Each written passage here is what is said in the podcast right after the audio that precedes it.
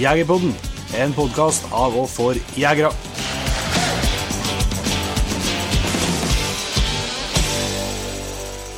Ja, ja, ja! Hjertelig velkommen til en ny episode av Jegerpodden. Med på andre sida Med på andre sida her nå, så sitter Jon Petter Meldingen. God kveld, Jon Petter. God kveld, god kveld. Ja. Dette er en episode jeg har gleda meg til nå, ja. Ja, det er det. Ja, jeg har gjort det, altså. Det har jo vært en god stund siden vi har eh, vi har vært bare oss to. Vi har jo hatt med masse, masse trivelige gjester, men nå vi prøver oss bare oss to igjen. Ja, vi har ikke Vi har vel ikke hatt noen episode med bare å to nå etter jul. Nei, Jeg tror faktisk ikke. Så det Nå har vi jo, eh, går det jo med shorts om dagene, så at eh, det, er, det var på tide, ja. Til og med oppe i Grøndalen er shorts. Ja, helt klart. Det er bra. Nei, det er jo kjempe... Jeg gleder meg til det, faktisk. Og det er en del faktisk som har spurt om det òg, dere som hører på. Så det er jo, setter vi jo pris på at uh, dere syns det er artig å høre på bare oss to nå, selv om uh, vi til dels finner til gjester som har, uh, som har kanskje enda mer å med enn oss. Men det er jo litt sammenheng med at det gikk oss litt hus forbi, men plutselig ble vi klar over at i forrige uke delte vi episode over 50. Og vi har eh, passert eh, ettårsgrensa for, eh, for Jegerpodden. Så vi si at vi har holdt på med, vi har vært podkaster et år, Jon Inge. ja. Det, det er jo Det har gått fort, men det har vært sinnssykt artig. Ja, herregud, for en runde. Helt rått. Så har virkelig Det har ikke blitt noe mer fritid, men, eh, Nei, det kan man ikke skrive under på. men, men utrolig artig å holde på med. Og, og så blir det jo litt sånn når du Vi passerer jo straks eh, 400 000 avspillinger, og det er vekst, og det er liksom bare kjøttkake og nedoverbakker, kjennes det ut som. Så eh, det er jo utrolig artig å, å kjenne litt på det på det jubileet. Og så er litt, eh, nå er vi jo litt tilbake der vi satt for et år siden, når det var, vi spilte inn første episode med bare meg og deg og en par bokser med, med godt drikke. Ja. Så, Stemmer det. så det kjennes ut en bra, bra måte å markere jubileet på. Ja. Det er det. Og så har vi jo hatt eh, det, er jo veldig mye som skjer eh, om, om dagen, både både med ja, i og utafor poden, kan jeg si. Eh, Men vi eh, har jo vært i gang med noe Ja, vi har lansert nettbutikk og styra på, og så har vi jo uh, oppretta en patron og, og litt sånt. Yes, og det Patrion-greiene ja, går jo langt bedre enn vi hadde tippa. det er vi selvsagt ja. veldig, veldig glad for. Eh, der eh, har vi en eh, hyggelig nyhet til dere som hører på, som er, er Patrions. er at vi har en eh, konkurranse gående som eh, der det blir muligheter for å vinne, vinne bukkjakt på i lag med oss på Oppaker gård. For dere som har uh, fulgt med litt, så hadde vi jo eh, første del av den konkurransen eh, eh, på Camp Villmark. Det er jo delt ut et opphold, en, eh, en kar som heter Tallak som uh, vant den første plassen. Og så skal vi dele ut en plass til til den, uh, til den jakta, og det er skal vi rett og slett trekke ut blant dere som er patrients. Uh, trekkinga skal vi skal komme tilbake til datoen, men uh, kommer til å gjøre i, i juli. Eh, så alle som eh, er patrions eh, på det tidspunktet, er jo med i trekkinga. Ja. Så da blir det sjanse for å vinne eh, jakt i Jegerpoden igjen. Mm. Det blir bra. Det blir veldig bra. Eh, og vi har òg en eh, liten nyhet til. Vi kommer til å runde 100 patrions eh, ganske så snart. Og da har vi en plan her, om å slippe en episode kun til en ekstra episode til dere som en liten, som en liten takk. Det er en ganske Det er en del artige klipp, så det tror jeg kan bli en artig episode å få med seg. Så det kommer vi tilbake til så snart vi har runda grensa og, og er klar til å sende ut den. Så får dere en, eh, får dere en e-post eh, og et varsel eh, der, kjære patriens. Ja, og når vi siden siste episode, Jon Petter, så har vi jo fått noen nye patriens. Det har som vi. vi gjerne må nevne navnet på. Yes, og vi sier tusen takk til. Det er Carl Morten Overskaug Gaute Pettersen, og Kai Trøen Strandvik. Ketil Engen, Kristoffer Ausland Onstad. Lasse Larsen, Lasse Nederberg. Martin Aksnes Og Mona Syvertsen. og Morten Martinsen Og Stein Roger Edvinsen. Eivinsen. og Evinsen, ja, og Thomas Nilsen. Så tusen takk til dere som har kommet til, og selvsagt alle dere som allerede har, eh, har fått takken deres òg. Nå blir det altså muligheter både for å vinne bukkejakt, og dere skal få dere en, en velfortjent bonusepisode når vi har runda 100 Patrions. så tusen takk så langt. Vi har jo lagt fram litt temaer Petter, som vi skal snakke om i, i episoden her, eller om det er bare, bare jeg og du? Yes, vi er jo, vi er jo ikke uh, helt tam på jaktprat. Nei da, vi er ikke det. Nå tenkte jeg du skulle si at vi er ikke helt amatører heller. Nei, det kan ikke, kan ikke lyve lytterne. Nei. Men du, vi er jo i en periode nå, som jeg nevnte i siste episode, og så er vi i en periode nå der det er altfor lite jakt. Ja, det er jo sånn.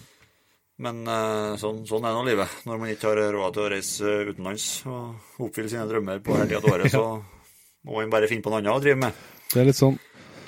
Uh, men det er jo nok av ting å gjøre likevel. Vi har jo hatt prata både om utstillinga, og vi hadde med en Jan Robert rett før påske som ga gode innspill på, på, trening av hund. Så det er jo i, i hvert fall jeg er i gang med, og, og spesielt fruen, vil jeg si. enda bedre i gang med oppkjøringa. Hun er mer frampå enn deg? Ja, det, som sagt så er det litt sånn knapt på kveldstid med timene noen dager, her, men jeg prøver nå å få til noen turer, da, så vi er for at vi er på trekk. da. Ja. Det er nå mer eh, målet, og jeg skal fortsette å springe med dem en stund til. Det er egentlig like mye at eh, jeg skal opp et hakk til i form før jeg, før jeg går til kickbiken. Ja, sånn, ja. Så da blir det kickbike. Eh, kommer, til, ja, kommer på slutten av juni, eh, her tenker jeg, så er vi på er full fart på kickbike igjen. Ja visst, ja. Har du lakkert den, eller en rosa? En rosa, ja. En rosa, ja. Den skal være rosa fortsatt, det skal jeg love deg. Akkurat. Må vises. Jeg skal se om jeg får lura på noe Jegerpoten-klistremerke nå, tenkte jeg. Ja, sånn, ja. Så starter han litt. Ja, nei, jeg har litt eh det er litt eh, knapt med tida til meg nå, men, eh, men, eh, litt trening har det blitt på hundene nå. Og så er jeg jo litt reservert på hun ene tispa som, som er para. Ja. Skal for så vidt på, på, rønk, eller på ultralyd med henne nå i morgen. Det skal om det fins noen valper inni her, da. Det blir spennende. Håper virkelig på det. Ja, jeg, jeg, går og innbiller meg at jeg ser en kul på magen på under buken der, da, men uh, man ser jo det man vil se. Ja, det er litt sånn. Så uh, det blir spennende å se. Og så uh, går jeg jo Det er bra at jeg har noen naboer, for denne uka så går jeg og springer i ring med hund i bånd. I veldig kort bånd. ja, du har tatt rett og slett tatt deg rådene fra Linda og Marianne? Ja, vet du, jeg har faktisk vært ute to siste kveldene og trena, trena, bare på å springe i ring og, og, plutselig stoppe opp og få han til å stå og ikke sette seg. For det er en kjempeglad i, å sette seg ned når jeg stopper. det er jo imponerende. Ja, altså må nå prøve å leve litt, da. ja. Når, når, når, når, når stakkars hund ser ut som han gjør, så må jeg prøve å gjøre det, gjøre det beste ut av det. beste ut av det. Ja, for du skal på utstilling nå i helga? Ja. Hattfjelldalen? Hattfjelldalen, ja. Det er, sikkert, det, det er jeg sikker på at alle, alle lytterne våre vet akkurat hvor det er hen. Ja. ja. ja. Det er en lokal, lokallaget Jegerfest som arrangerer utstilling. Ja. Uh, gjennom NKK og sånn, så det blir spennende. Mm. Så ser jeg jo at det er mye uh, Jegerpodden-lyttere som skal dit. Ja, det er det. Så det blir artig. Ja, ja, ja. Mm. Det blir spennende å høre hva nordlendingene tenker om uh, to uh, to moblende trøndere som prater jakt. Ja. Det Du skulle vært med oppi her, du òg, for forsvare oss. ja. ja jeg, jeg, får ikke utstilling i helga, nei, men, eh, men det er jo som sagt, det er jo en del. Og så eh, Du har kanskje begynt å komme i gang litt med, litt med skjøtinga, Jon Inge? Nei, jeg har ikke jeg. Du er bare på dugnad? Bare på dugnad, ja. Han var på dugnad på skøytebanen i kveld. Uh, oppi her så er jo skøytebanen nettopp blitt snøfri. Ja. så nå er det full lønnasjø. Vi åpner på fredag, da. Ja, det okay. Så det blir full trening nå, ja. Uh, hvis det blir så vi drar nedover til Sverige på Jegerutfordringen, så vet jeg at en uh, kamerat av meg lenger sør på Harran som jeg syns han skjøt veldig mye før tida, ja. så jeg holder på å bli litt stressa. Et eh, klass, klassisk feil, vet du, å trene for mye og ja, Trene for mye og legge for mye press på seg sjøl. Jeg liker å stille litt sånn, eh, sånn som meg, helt lave skuldre. Uh, lynet må slå ned tre ganger før jeg skal vinne. Det, er mye, da, det kjennes mye bedre. Ja. ja altså, jeg håper på å komme i gang med, med skøytetreninga nå til helga da, og få dundra av gårde noe skott utover nå. Ja. Så det blir bra. Og så blir det noe inntrening, da. Ja, ja det, blir, Det blir- det er jo litt av målet med å ferde nedover på, på jegerutfordringen. For, eh, for min del òg er det at det skal være en trivelig helg, selvsagt. Men eh, jeg har jo planer om å ha med Tinka og ungen min og teste henne. De har jo heng der. Ja. Så jeg har jo planer om eh, Det er jo egentlig store, store målet for den helga, å få, å få testa henne både ja, både på mulighet både for på elg og, elg og villsvin. Um, Ja. Hadde jo den opplevelsen i, i høst med at uh, hun var i lag med elgen, men ikke skjelt. Uh, som uh, For å si det sånn, det, det, spekulerer jeg litt på hver dag, da. Ja, det, Så bare Men jeg har jo holdt meg hard på ikke ikke slippe noen ting, og ikke liksom matcha noe mer. For det er jo det rådet jeg har fått fra de fleste, egentlig, at å forholde seg rolig sjøl og, og lette det modnes, for det var jo bare året, året på det tidspunktet. Ja. Så jeg har hørt på det. Jeg har hørt på rådene jeg har fått for en gangs skyld, så, så Men eh, det gjør jo sånn at du går og spekulerer litt på eh, hvordan ligger vi an. Det er jo ikke så, kjennes ikke så lenge til høsten. Så det, mm, så det har vært knallartig. Jeg vet ikke, er sånn delte meninger om det med å, med å drive og teste i, i hegn og, og, og sånn, men uh, jeg resonnerer egentlig på så enkelt som at eh, jeg er jo enig i at uh, du stort sett så får man til deg i, i, i skogen uten å bruke det hjelpemiddelet. Men det hjelpemiddelet er tilgjengelig.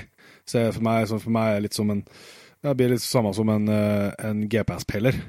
ja. Man fikk, man fikk til å jakte og fikk til hunder uten dem òg, men nå har Ja. vi nå dem. Og da er nå det, gjør det det jakta både tryggere og mer effektiv og, og mer spennende. Sånn som jeg opplever det. Ja. Jeg og så tror jeg, jeg tror ikke om man ikke eh, lykkes med det man ønsker med altså, ja, sånn som, jeg, jeg tror jo at dette kan bli kjempebra til, til tispa di. Eh, og at du får backa opp og liksom får fyra opp og, og, og liksom uh, kan få i gang av der. Det som er helt sikkert, det, tror, det, som, det som er min mening, det som jeg tror er helt sikkert, er at det blir i hvert fall ikke noe vær. Nei, det tenker jeg òg. Altså, du har ingenting å tape. Nei, det tenker jeg. Du har, for at også er som Jeg har snakka med en del som har, uh, har revet og testa. Og tror vi skal, tror vi skal lage en Vi har snakka om det, og det er jo en i Norge en som, som vi har vært litt i kontakt med, som vi tror vi skal ta en, en eh, litt utvida prat om dette, som har testanlegg òg i Norge. Ja. Eh, for det er interessant å høre litt eh, om erfaringene, men, men eh, det er jo at, som jeg ser at du får jo muligheten der til å ja, til å være med hund og backe opp hund og den sida, men du får liksom muligheten til å, å trene i eh, for, treningsmuligheter som kanskje du ikke kan få på i to høster. Ja. Sant, for at du, det ene ting er jo liksom at du treffer et, et dyr som eh, vi så at uh, hunden finner, og så der har, du har så mye mer muligheter til å, til å isolere bort uh, utfordringene som du har i skogen. Ja. Og Så kan man selvsagt si at det er juks eller ikke, men, uh, men så, så tenker jeg at det er et, eh, det er et hjelpemiddel eh, som, som eh, jeg, har ikke, jeg tror ikke at jeg hadde dratt dit eh, Jeg har ikke vært på noe sånt med Eiko. Eh, Jeg tror ikke jeg hadde dratt dit liksom eh, bare for å prøve en kvelp, f.eks. Kanskje hvis jeg bodde i nærheten, så hadde jeg sikkert gjort det. Bare for at jeg syns Ja. det har vært spennende. Men, uh, men uh, som å ta mer en sånn lengre tur for å, for å ta, ha det som mål, så handler det litt om at jeg eh, vil gjerne ha litt svar og, og ha litt mer å, å gå på. for å Nå er det jo sånn at jeg prøver å planlegge eh, planlegge oppkjøringa til høsten for at hun skal ha så gode forutsetninger som mulig. Ja. Mye av det selvsagt, er jo fysisk trening og springing og kickbike og sånn, men, men, eh, men også liksom på at du skal ha gode, så gode muligheter som mulig i, i skogen med, med elg. Og da eh, ser jeg for meg at det er en, eh, en måte liksom å kunne, kunne legge den planen enda bedre på etterpå. Ja. For at eh, jeg hadde jo i utgangspunktet tenkt eh, kanskje å, å begynne å slippe henne litt eh, alene igjen i skogen, og så se om det fungerte. Og hvis det ikke fungerte, så, så har jeg liksom tenkt at ja, da kan jeg slippe henne i lag med Eiko. Altså slippe innpå en los eh, som han står med. Og hvis det ikke fungerte, så kunne jeg dratt på noe sånt. Eh, Ja. Men så når jeg liksom så at muligheten dukka opp, og, så har jeg tenkt at ja, men det er noe som du sier, at jeg tror ikke det kan, det kan ikke begynne å være av det. Nei, nei, jeg tror ikke det. Jeg ser liksom ikke jeg ser, det, er litt sånn, det, er sånn, det er et sånt eksempel der du ser tydelig Du ser tydelig oppsida, men ikke like enkelt for, min del å se nedsida. Nei. Nei, Det er litt derfor at jeg òg har noe Jeg tror jeg kommer til å ta med ta med to til hundene nedover, i hvert fall. eh, Den yngste støvelen. Naturligvis ikke nok for å prøve på elg, men for å prøve på villsvin. Eh, årsaken til det er at eh, jeg har rett og slett ikke fått opplevd det eller sett hvordan hun arbeider i uh, stålås. Nei. Uh, i, over, over, I hvert fall ikke over en lengre periode. Nei. Nei. Så eh, jeg tror det har vært artig å se det. Og så tenkte jeg nå eventuelt å ta med han jenten, da. For han er jo faktisk bare to år. Ja. Og har ikke fått uh, kjempemye erfaring ennå, så Hvis det ser ut som han har lyst til å jage gris, så skal han jaggu meg få lov til det. Ja, ja, ja. Jeg har vært på tanken på å ta med Eiko, men uh, det, det, det, han, han skjeller. Ja, ja. Det er liksom ikke noe spørsmål om det, er mer liksom at han kan kanskje bli for tøff. Ja. Eh, sånn at det er nesi på et vis. Eh, så, så han får heller være hjemme og passe på huset. Eh, nei, men det, noen, må, noen må være med ut og springe sammen med kjerringa. ja, ja. Nei, det ser ganske bra ut uh, nå, hundene. Altså, med, det ble en veldig, som vi var inne på før, den eh, påska liksom ble langvekka med ganske hard og tøff trening. Ja. Så liksom, har vi klart å holde trøkket ganske bra opp etterpå. Ja. Så jeg føler at jeg ligger eh, bedre an i slutten av mai i år enn jeg gjorde i fjor, sånn på, på hundformen, ja. Ja, ja. Det En kjennes liten bra. roast, en liten roast av Milde akkurat der, da. Ja, ja, hun må få litt skruter, da. Hun skal ha, har veldig mye å gjøre. Så det er bra. Men det er jo, det er jo familiemedlem, hundene. Så de er jo, det er ikke, heldigvis så, er det ikke bare, er ikke bare en som tar, tar ansvar for dem. Nei. Men vi har jo mer eh, planer, Jon Inge. Det er jo her er jo litt, nå er litt begynt på, eh, på liksom det som går på trening og forberedelser sånn sett. Men eh, vi har jo en eh, Vi er jo ikke helt slapp på utstyrssida heller. Det fall, Nei, eh, det vil jeg ikke si. Jeg har nå, eh, allerede blæst av nyheter om hva som blir stående i våpengarderoben min. Så. Ja, ja, ja. Og vi har altså, eller ene er jo hva man har planer om, og, eh, eller som man tenker man må ha. og så er jo, Det er jo ei ikke så lang liste, og så er det en betydelig lengre liste med hva man kunne ha tenkt seg. Ja. Men uh, nå eh, kan jeg jo bare si med før vi er er i gang, at vi har ikke uh, På uh, jaktutstyrssida så har vi ikke noe, har vi ikke noe sponsor i dag. Så at uh, det vi snakker om eh, eh, kan nok, eh, Det kommer rett fra, rett fra oss, bare så det er sagt. Ja. Eh, Det er jo mye, mye sponsing, og det kan jo godt eh, være at eh, vi har en nyhet om det vi som vi skal dele på episoden nå. Men eh, det kan godt hende at vi skal gjøre, gjøre mer av òg, men eh, per nå så er det ikke det, da. Eh, Men eh, noe som jeg ser fram til, sånn jeg vet, kommer til i hende ganske snart, av det er at vi skal, eh, med en del av Jegerpodden, egentlig teste, teste litt lyddempere. ja. Det blir eh, Det kommer vel en pakke fra Atec. Det Eh, ja, det, det, er, det, det er jo en populær demper i markedet, og, men det, jeg har faktisk aldri hatt det. Nei, ikke heller. Det er helt tilfeldig at jeg ikke Ja, har hatt det. ja, det er sånn for min del, det var liksom det som var på butikken første gangen det ble demper på et vis.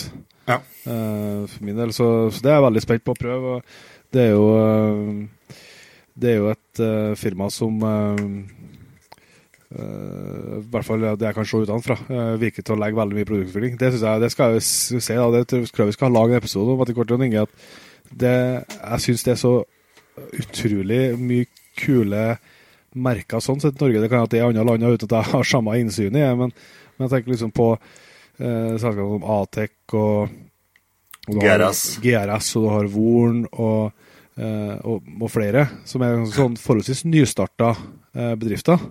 Mm. Eh, som har blitt svær butikk, liksom. Som er butikk internasjonalt, og, liksom, Ja. eh, har, og som legger veldig veldig mye i, i produktutviklinga si.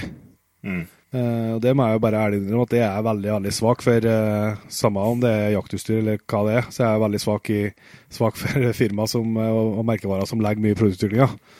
Ja. For da tar de oss på et vis på alvor, uh, og bryr, oss, bryr seg. For at det, er jo, det er jo sånn at det koster jo. Hvis du liksom har lyst til å tjene absolutt mest mulig penger, så prøver du kanskje å lage én ting, og så selge det så lenge som det overhodet går, uten å reinvestere noe av pengene du får inn i, i ny utvikling. Eh, men når de, eh, jeg vet at i hvert fall firmaene der eh, legger så mye, så er det utrolig imponerende og artig at det liksom kommer fra Norge. Så kanskje det vi skal leve etter oljen, det er jaktutstyr. Det har ikke jeg sett mørkt på i det hele tatt. Nei, men vi får, skal i hvert fall få, noe, få noen dempere i posen som vi skal teste. Bare Og så? det var en, i hvert fall, vet du om, en sånn uh, Optima Ja. 45. Det er jo den som en Jan Robert eh, vi snakka med han prata om. eh, Ja. En eh, litt spesiell med den er vel at du så enkelt kan demontere den, skal jeg si, var børsa. Mm. At du setter på en, eh, en futt i, på gjenginga som så du kan bare, du bare vrir av den med, med kvart omdreining, eller hva da. Ja. Og så er det vel eh, Skal vi teste de nye nyhetene deres. Den som kom i år, som heter for H2. Ja. Um, så det er jo, ser ut som en veldig interessant demper. da, den, uh, uh, ja, Vi må teste det først, selvsagt, men når det er inne og ser på nettsida, i hvert fall, så, så ser det ut som har demp har en voldsomt bra dempeeffekt uh, sett opp mot vekt og, og størrelse.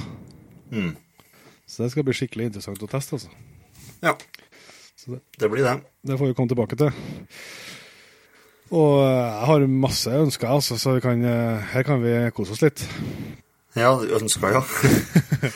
Ja, det, jeg, ja, jeg har jo eh, Jeg tør ikke ønske noen ting, for jeg vet hvor mye penger det kommer til å gå på dette eh, våpenet som skal komme her i juni, så jeg tør ikke ønske meg noe mer. Nei, det skjønner jeg. Det har du Du kjenner den, ja. Det har, det har, det har ikke stått på ønskelista bare de siste ukene, det, for å si det sånn. Nei, det har Det har vært med noen år. Så det blir knallhartig å se. Det blir julekveld, ja. Ikke. Ja, dæken ta. Da Så Da blaser, ikke det er en blaser de ja, for du, sikkert, du sikkert alle har hørt om det. Det er en blaser eh, D90. Ja. Det er en Drilling. I drilling, ja. Så de sperra opp øynene, eh, folk på skjøtebanen der og sa at eh, nå måtte vi bestille inn noe lerdoammunisjon i kaliber 20. Ja. det, det er noen år siden det var aktuelt. Oppå her, i hvert fall. Her går Mm. Ja, for det, det- kaliber 12 og halvautomater til, til ungdommen som står på sportingbanen. ja, ja. Men hva det, det er 20 kaliber, ja, og så det, var det 6,5 i løpet, eller hva var det du gikk for der? Rifla? Ja. 6,5-55, ja. Kort og godt av den enkle grunn. Eh, det sies jo at man stort sett bør ha R-patroner, altså med krage på hylsa på drillinga, men eh, Ja, for at den skal den- lettere å få ut, ja. ja. Mm. Nå er den blazeren bygd opp eh, på en sånn måte at det er ikke problem å få ut hylser uansett. Okay. Eh, så da Det var egentlig enten 6,5 eller 7x57 R. Ja. Eh, ja det ser et sånn vanlig kaliber i, i både kombi og drillinga. Ja. Eh, men jeg jeg, uh, 16 er enkelt rett eh, med ammunisjon, og jeg skal ikke bruke på noe større dyr enn rådyr uansett. Nei. Nei jo, men, Eh. men samtidig, hvis hun skal en gang gjøre det, så er det jo, er det jo nok. Ja ja, så er det nok. Så Åh, nå gikk jeg kaldt ned ryggen på meg når jeg sa det. Kjente jeg. Den diskusjonen skal ikke ha. Nei, det kan vi godt gjøre. Det er jo ikke, så det er jo ikke sånn, egentlig sånn strengt tatt. Hvis en vil, så er det jo ikke så mye å diskutere. For at uh, regelen er Neida. som den er. Regelen er er som den er. det er det er bare å forholde seg til. Mm. Så, og, og mye er det jo selvsagt ettertrykkelig bevisst at uh, du kan skjøte elg med 6-5.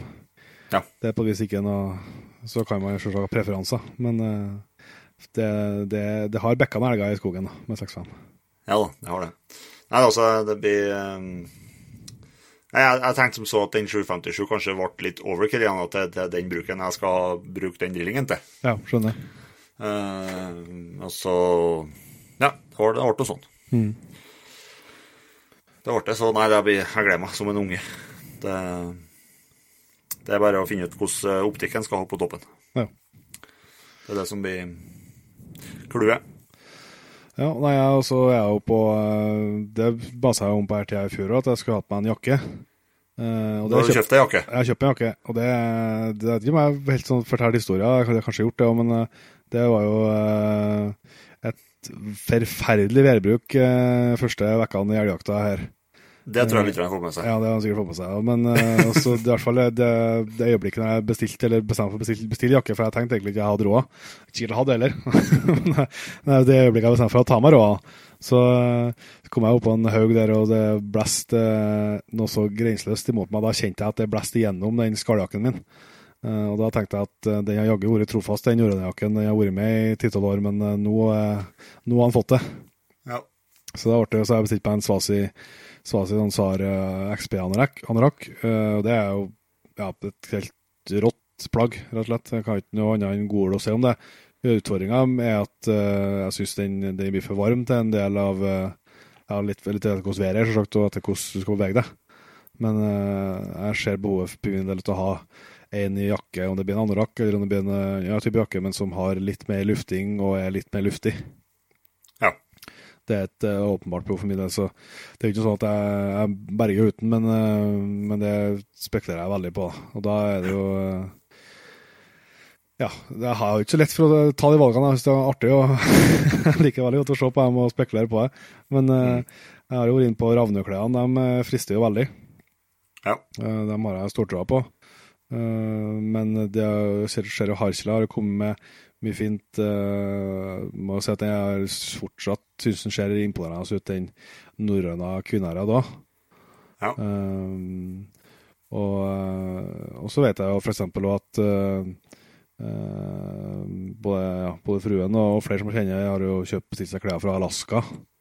Ja. Klærne, som er et langt rimeligere alternativ. da. Ja. Jeg har vært veldig veldig fornøyd med det. Så, um, så jeg er litt i den tankeboksen på, uh, på, hva jeg skal slå til på her, da. Mm. Uh, og nå så skal jeg ha på meg en ny bukse, Trond Inge. Ja. Nei, jeg hører, jo, jeg hører jo det at du har mye mer planer enn hva jeg har. nei, jeg er jo sånn når jeg, nei, jeg, er jo sånn at når jeg finner meg, finner meg noen klær som jeg liker, så bruker jeg dem. Ja. Helt til at jeg, de er slett ut, og så, og så, begynner jeg å kikke. Men da er jeg jo like unna som da. Ja. Nei, ja, men det, det, det, har jo, har jo, har jo brukt den Herkila Dogkeeper-buksa i flere år, og vært mm. strålende fornøyd med den. Uh, men det, det, det, handler jo liksom sånn uh, Det er sikkert det at uh, etter hvert så det, altså, Sånn som jeg funker, altså, så kan du aldri få nok utstyr og nok klær og sånn. Så at, jeg har jo alt jeg på et vis må ha. Men så er det sånn at uh, jeg skulle gjerne hatt uh, noen av buksa til litt annen type vær. Jeg har brukt uh, Fjellreven-buks ganske mye. Ja. De har jo en sånn jakt, jaktbuks, uh, husker ikke jeg på navnet på i, i farten, her, men den er jo et fantastisk bra plagg å gå i den. Men utfordringa der er at den, når du gjør den vanntett For at den, det er jo sånn bomullsstoff i fronten, sant? Sånn ja. G1000-stoff. Ja. Eh, så når, når, du impregnerer det med voks, så, så, blir den jævla hard og, og bråkete ja. i, i krattet og sånn. Så eh, det som jeg syns er litt minus her, selv om det er veldig veldig god friluftsbuks på sis, eh, så, ja. så syns jeg det er litt minus. Så det som gjør at jeg tenker litt Jeg kan tenke på noe som har vært lettere og, og luftigere der òg enn Dokeeperen. Og så, så det er utfordringen med Dokeeperen, i hvert fall min erfaring, at i, i snø. da. Ja. Jeg er ikke noe glad i snø, det stoffet her. Det er jo et helt, eh, altså, det er jo, altså, helt utrolig slitesterkt plagg. Ja. Jeg vet ikke, jeg har hatt det i tre eller fire år, jeg, og når du vasker, så ser jeg fortsatt liksom så å si ny ut. Ja. Og holder veldig bra på å tåle vann. Det blir jo bløt ytterstoffer, sagt, men, men uh, voldsomt slitesterkt. Men det, snøen er, det er noe, ut, er noe skit med den buksa her, da. For det er liksom ja. klabb, klabber på. Jeg vet. Ja. At det klaver på den buksa der. Ja, for Du blir bløtt i, bløtt i haisen i gaupejakta? Det er ikke aktuelt å komme inn i nybilen med den der, fullt av snø. Nei, så det er noen planer eh, på det, ja. Um, og selvsagt, du kan jo ha sittet med det her hvor, lenge, lenge, som helst. For at ja. hvis det er jo bare hvor langt, langt en er villig til å, å strekke ønskebudsjettet. Mm. Men noe på det området der skal i hvert fall skal jeg få til høsten. Eh, så må jeg kanskje, kanskje vurdere et par nye sko. Ja. Eh, de, har, de, har, nok en sesong eller to til i seg, men, eh, men de begynte å Jeg syns de hadde skifta vel mye fasong. Jeg, jeg er antagelig for hardt å tørke dem, da. Ja. Det er jo det som jeg gjør feil gang etter gang. Jeg, jeg vet det jo så godt, men det, det er så steika fint å ha tørre sko. Ta noe på. Jeg så jo, jeg så jo nå i Jakt og fiske kom i posten her, så jo Alfa har kommet med, med en ny sko nå, som heter Rype. Ok. Eh, den skoen har jo, eh, har jo eh, Har jeg hatt i noen måneder. Ja, mm, den vi testa litt i fjor. Ja. Fjor sommer, ja. Så den kom ut på, den- kom ut markedet. Ja, uh, fikk den jo i Fikk den i juli, og har brukt den hele sesongen. Stemmer. Uh, og jeg har vært kjempefornøyd med den, den støvelen der. Uh, fordi at det er en uh, Det er sikkert mange som er kjent med den Alfa Buck, eller den- Alfa Hauk. Den ja, er det er s- ja. Det er jo en slags litt eh, solidar type av den. Ja, for det er samme, Eh, den har- samme ytterstoffet. Samme ytterstoffet, altså den har samme luftegenskapene, og, og, og, og den der er òg lett kontra andre fjellstøvler. Men den er, den er jo litt solidar og litt varmere Ja. enn den, enn den eh, bucken. Ja, for jeg har forstått det litt utfordrende i bøkken, at det kan bli kaldt på små, småfotene i uh, oktober-november utover. Ja, ja, ja. Det blir det. Det er ikke noe helårsstøvel, nei. Nei. Så eh, der, den, den rypen har jeg brukt mye mer enn jeg har brukt uh, bøkken. Ja. Uh, så jeg er veldig glad for at de kom på markedet. ja. Så da kanskje jeg må sjekke ut dem litt uh, nøyere.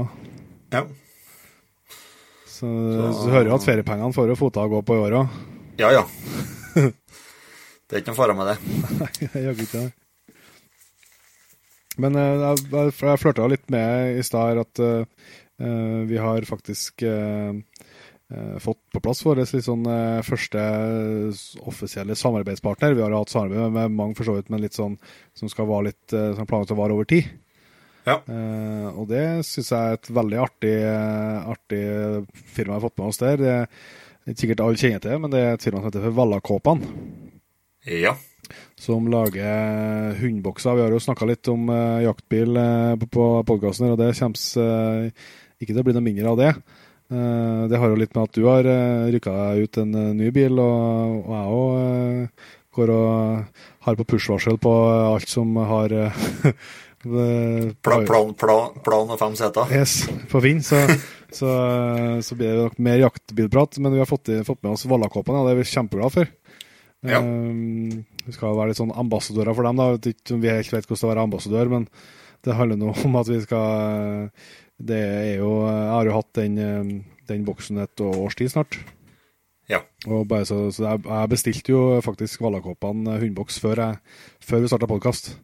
Så, så det er ikke noe nytt bekjentskap sånn sett, men uh, har vært veldig, veldig fornøyd med den, uh, med den boksen. Uh, det er jo flere leverandører ute her. Uh, jeg vet ikke hvor, jeg skal ikke si noe om hvor stor forskjell jeg mener eller tror det er mellom de ulike, men jeg i hvert fall veldig, veldig godt fornøyd med, med, med Valakåpene. Mm. Så det Ja, ja, det gjør jo på um, Det blir jo en sånn en på, på bilen min nå, da. Um, når jeg røyker på en Hilux her nå, så da Og det er jo fordi at jeg har uh, Jeg kom jo opp i den kjedelige situasjonen her at eh, bilen har uh, havna på verksted før påsk. Haiesen, altså. Og den står der enda. Ja, det gjør det. Så uh, når du bor der jeg bor Så er ikke alternativet ikke ha bil, nei. Nei. så, det er ikke så da Men jeg har jo liksom gått og tenkt på det lenge. Um, Storfløyen på Hiasen og alt sånt, det er ingen tvil om det. Eh, men um, når du har kjørt Hayes i åtte år, så da blir du litt gira på å bytte bil. Og når du, den da havner på verksted, så blir den veien enda kortere. Og da har du i tillegg da uh, har begynt å jakte med en del kompiser som har uh, pickup og uh, hundeboks.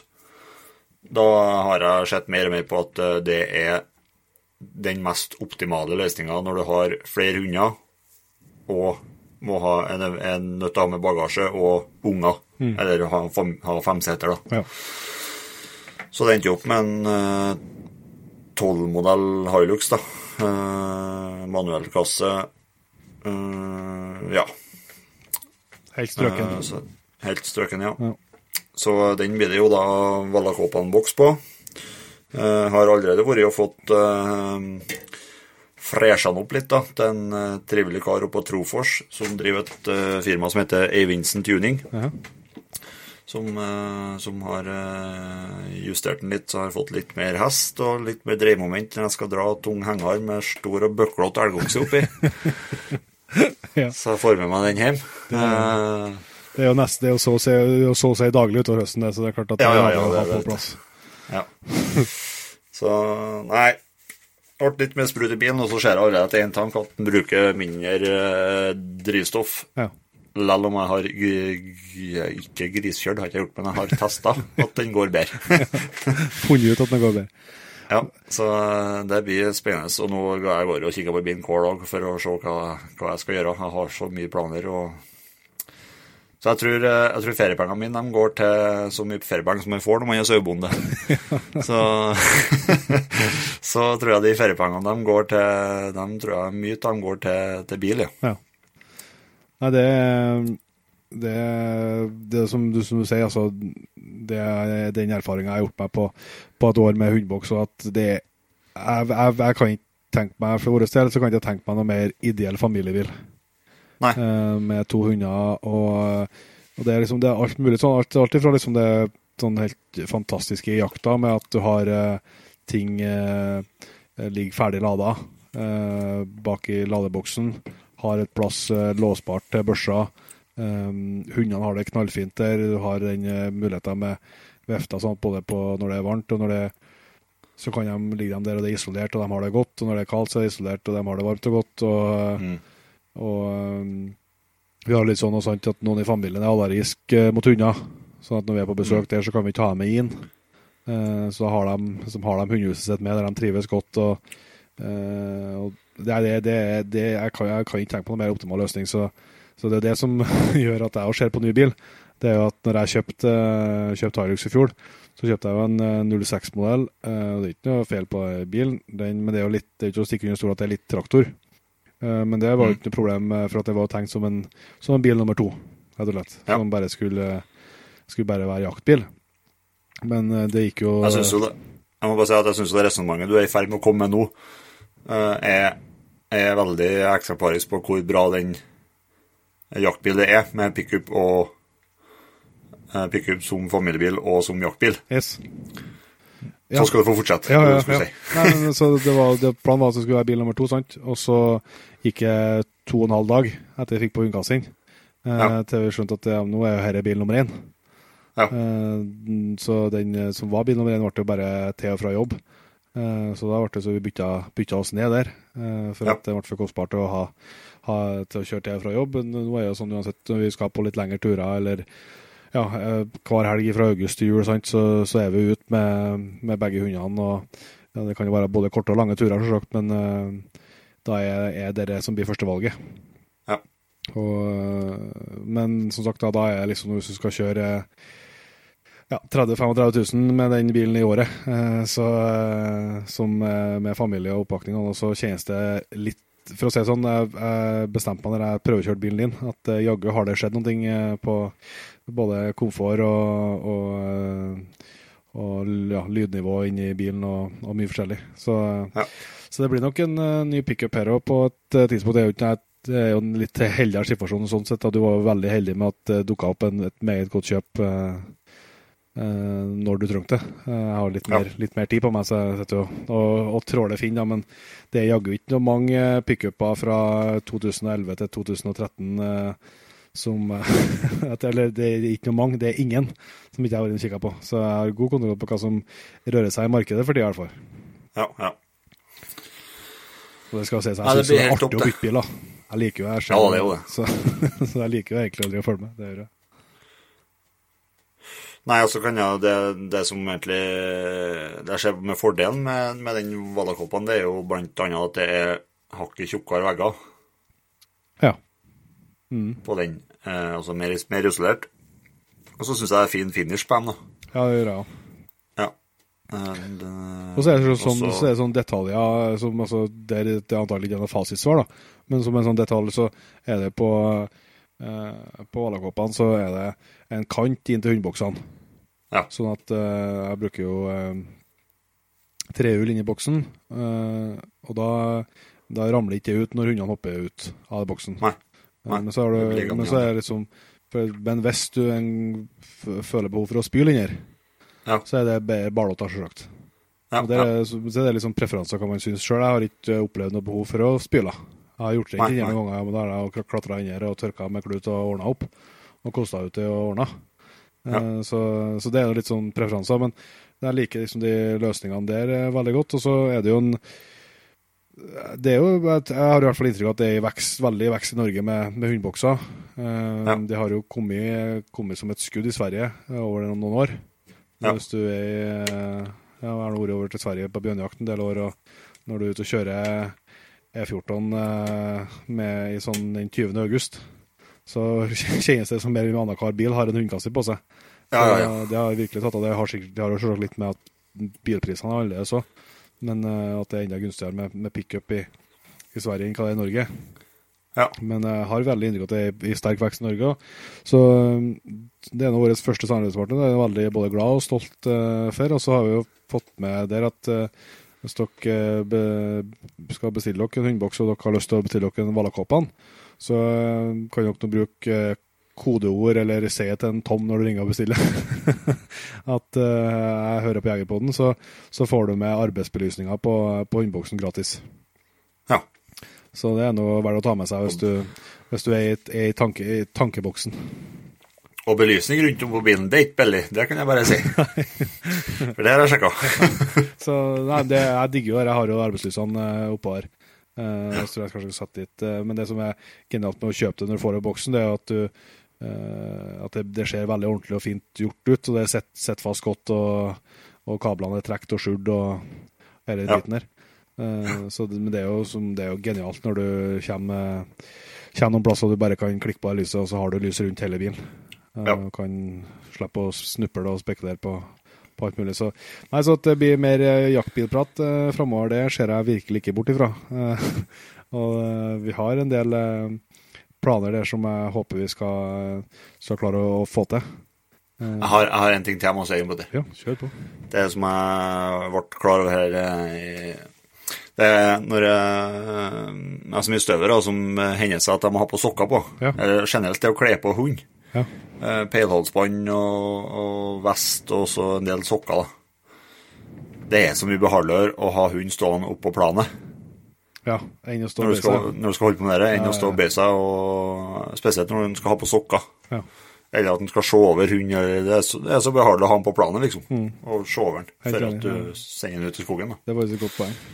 Så, så det er jo det, det er sånn, sånn er med ganske mye også, for at eh, det er ofte som du får som svar på sånne ting, at ja, men det, det er noe, det klarer jeg uten, og, og sånn, men, men, det er mye sånn Det er jo det som er når du er interessert i Eh, for oss så er jo lenge siden vi på en måte innså det at jakta er, er mye mer en hobby. Det er en lidenskap, ja. Eh, og det er noe som vi uh, bruker selvsagt mye tid og ressurser på. Men, men som vi òg sånn, vi, vi, tuller jo mye med at vi, med at vi ikke får til å, å bomme og, og, surre, liksom. Men jeg vet jo at innerst inne så tar vi to av det dønn seriøst. Eh, ja. Og legger ganske mye i å bli bedre og få ting til å fungere enda bedre. Mm. Eh, så så det er en del sånne detaljer som, eh, som en eh, både lærer og ser, og som en eh, Når man har opplevd det, så går ja. man ikke tilbake. Nei. Jeg bruker det som et sånn eksempel på um, Vi har jo sett litt teknologi i forskjellige sammenhenger. så er et som et sånt godt, godt bilde på er når det begynte å komme nøkler som du bare kunne ha i lomma. Sånn, du trengte ja. ikke å sette inn og vri. Nei, nei, nei. Eh, når du, når du, du, det kosta liksom 5000 ekstra. Og så sånn, Hvorfor i all verden skulle det koste på 5000 ekstra for det? Mm. Og så har man liksom fått prøvd det. Og da, da, vil du, da, da synes jeg litt minus å sette inn nøkkelen hver gang. Ja, ja. For at da har du, du har opplevd det. At det kan mm. løses på en bedre måte. Og da liksom eh, er Når du først har fått det, så, så er det, kan det være veldig små ting. Men, men, men liksom summen av små ting har jo tendens til å kan bli stort. Altså, Nei, så dere er en helt ideell ring, rigg for, for, oss to, det er jeg helt overbevist om. Og så selvsagt, vi har fått et samarbeid som vi er godt fornøyd med. og hvis det er noen som går og tenker på hundeboks, så ta gjerne kontakt. Så kan vi i hvert fall svare på, på det vi, våre erfaringer av det vi kan. Mm. Du kan jo se litt om For du har bestilt noe, Inge. Hvordan hvordan det er verdt å bygge opp en?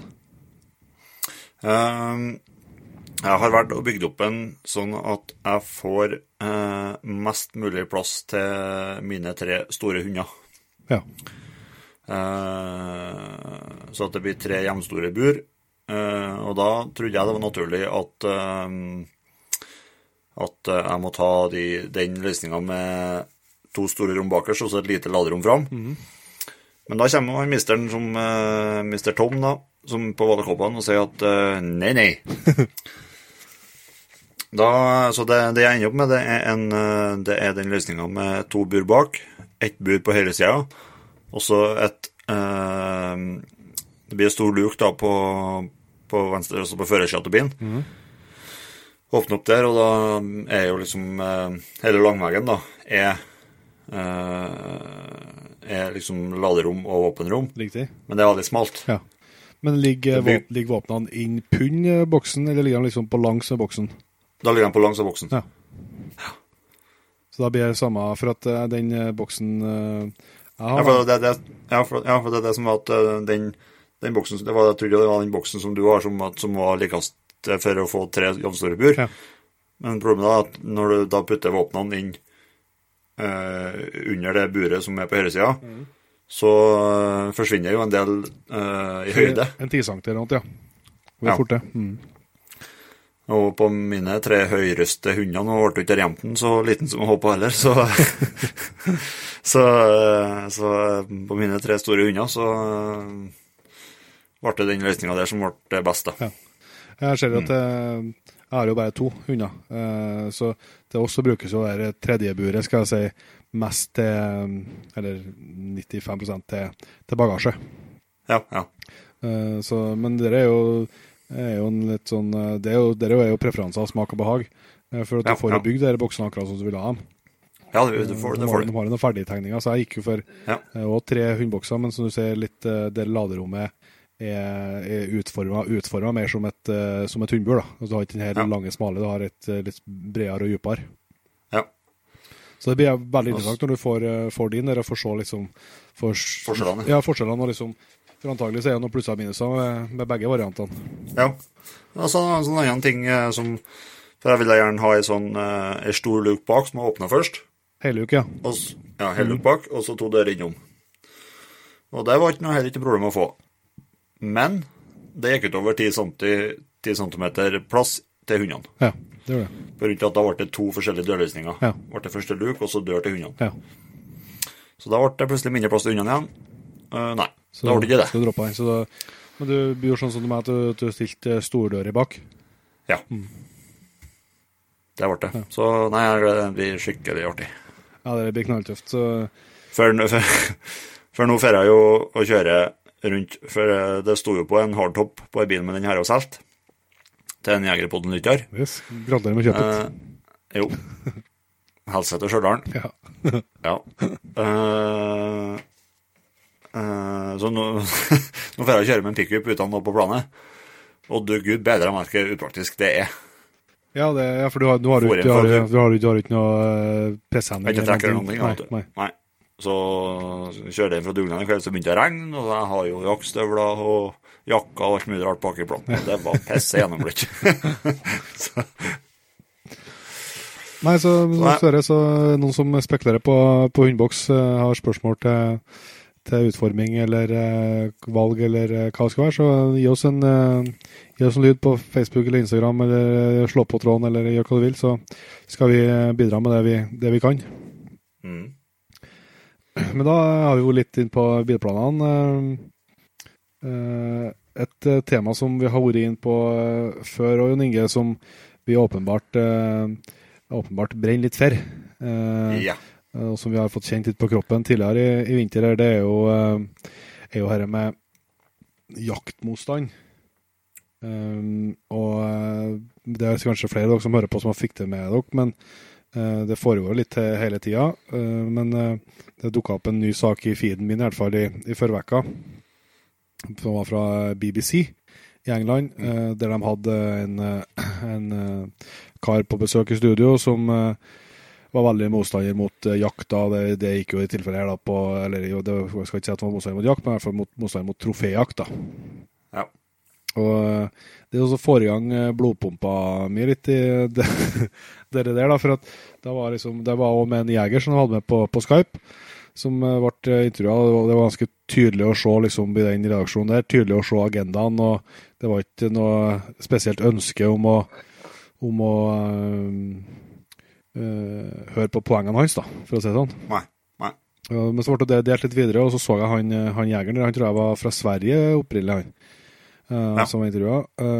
så han kommenterte, så jeg på lang kommentar om det intervjuet, liksom, og, og, la ut og lenke til hele intervjuet, så fikk vi ta inntrykk enn det som bare dukka opp på Facebook. Ja. Så jeg det, og så lenka nå til et veldig interessant studie, som var uavhengig studie, som gikk på Eh, som gikk på eh, eh, hvor, altså, betydninga av troféjakt da, for å bevare ja. arter. Ja. Det gikk bl.a. på noe, noe neshorn. Nå er ikke jeg noen ekspert på, på Afrikadyrene, men, men gikk kanskje på, på neshorn. Altså, og der, den studien slo helt sånn krystallklart fast at eh, troféjakt er helt avgjørende for å, å bevare trua arter. Det er jo selvsagt litt sånn kontraintuitivt, og vi har jo hørt det i podkasten her. Sant? Men vi har, hatt, har hatt flere, vi har hatt flere gjester som liksom har poengtert det med, med spesielt den troféjakta i Afrika, ja. og, og, forklart liksom hva, hva ressursene brukes til. Yes. Og det er jo bare, bare positivt. Ja, det, og det som, som liksom var mye av poenget i den rapporten, jeg har lest ikke, lest ikke hele den, men jeg har lest store deler av den, uh, det går jo litt bare sant, altså at, at viltet uh, når det, så det er en, en trua, men eksklusiv art da, uh, jaktmessig, så, så, får Så er det jo ikke sånn at det blir allemannseie. Og kunne, at alle, alle altså, Jeg og du har ikke råd til å dra og skjøte sånn villsvin hvis jeg vil, nei, sånn neshorn hvis jeg ville. Sant? Det er så enkelt er det. Men sånn er jo verden. altså Ting prises noe forskjellig, og folk har noen har råd til det, noen har ikke. Uh, men det som skjer da, når det blir sånn veldig eksklusiv jakt på det, så kan man jo synes hva man vil om det, men, men, da får viltet en verdi. Og en til ja. det stor verdi. Mm. Og, og, da får plutselig lokalbefolkning og myndigheter osv. et stort insentiv for å ta vare på arten. Ja. Sant? Og legge til rette for at den har det bra, at den har områder å være i, og passe på krypskyting osv. osv. Og, så, så det som var liksom poenget hans, som jeg, som jeg, likte veldig godt, eh, det var liksom at eh, eh jaktmotstanderne blander jo opp, eh, blander opp hva de sjøl syns om jakt, eh, og konsekvensene og viktigheten av jakta. Ja. Og det er det som som eh, vi har, vi har diskutert i podkasten før, og vi har snakka mye om Jon Inge. Eh, og, og har følt mer, mer på det etter, vi, etter hvert som vi holdt på med Jegerpodden. For at vi har prata med veldig mye folk, og det er et, sånn, det er et tema som går igjen litt, da. Ja, det er det. Uh, Nei, men, og, og det, det, er jo ikke bare jakta, men, men jeg syns jo, jo, generelt uh, Nå er dette mitt, mitt inntrykk og det jeg har oppfatta, men det er jo en viss form for at folk Uh, ikke folk, men også mm, folk som ikke er opptatt av, av jakt og, natur, og denne, at, at, de personene distanserer seg mer og mer fra naturen og det, det realistiske liv som er i naturen. Ja. Ja, det, det, er jo det som er, er litt hårreisende. Ja, og det, som, det, er det som jeg kjenner på sånn frykt på i magen. Så kan ikke si at det er en sånn eh, dommedagsprofeti, at det er sånn det kommer til å bli. For det at, eh, som sagt, så, som vi vet, så har jegerne en ganske høy standing i Norge og sånn, men, men, det som jeg liksom kjenner på en sånn samtidig en frykt for, da, som du ser litt konturene av og til, av og til og det er jo sånn Vi snakka med August Lie som snakka om eh, i områdene de jakta i BC, så var det ikke lov til å jakte eh, grizzly lenger. Eh, forskerne sier at det aldri har vært mer grizzly enn nå, og de har forklart hvorfor det er den jakta som har vært på grizzly, er, er, veldig bra for, for bestand.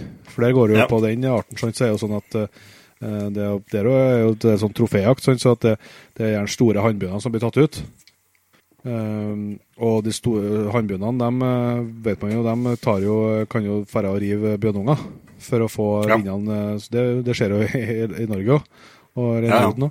Så det er jo samme så, Sånn er så at det, eh, det uttaket av de bjørnene er, er positivt for, for den totale bestanden. Mm. Men så er det på et vis gjort symbolpolitikk ut av det. Liksom, som han sa, at stemmene finnes i Vancouver, og det er liksom gjort symbolpolitikk det, det, det, det, det det er mest folk? Ja, uh, og gjort symbol, symbolpolitikk på det. Og dere skjer en, eh, et, et sånn resonnement som jeg har hatt, uh, som jeg har tenkt en del på. Det går på det som har skjedd i Norge og med, med pelsdyrnæringa.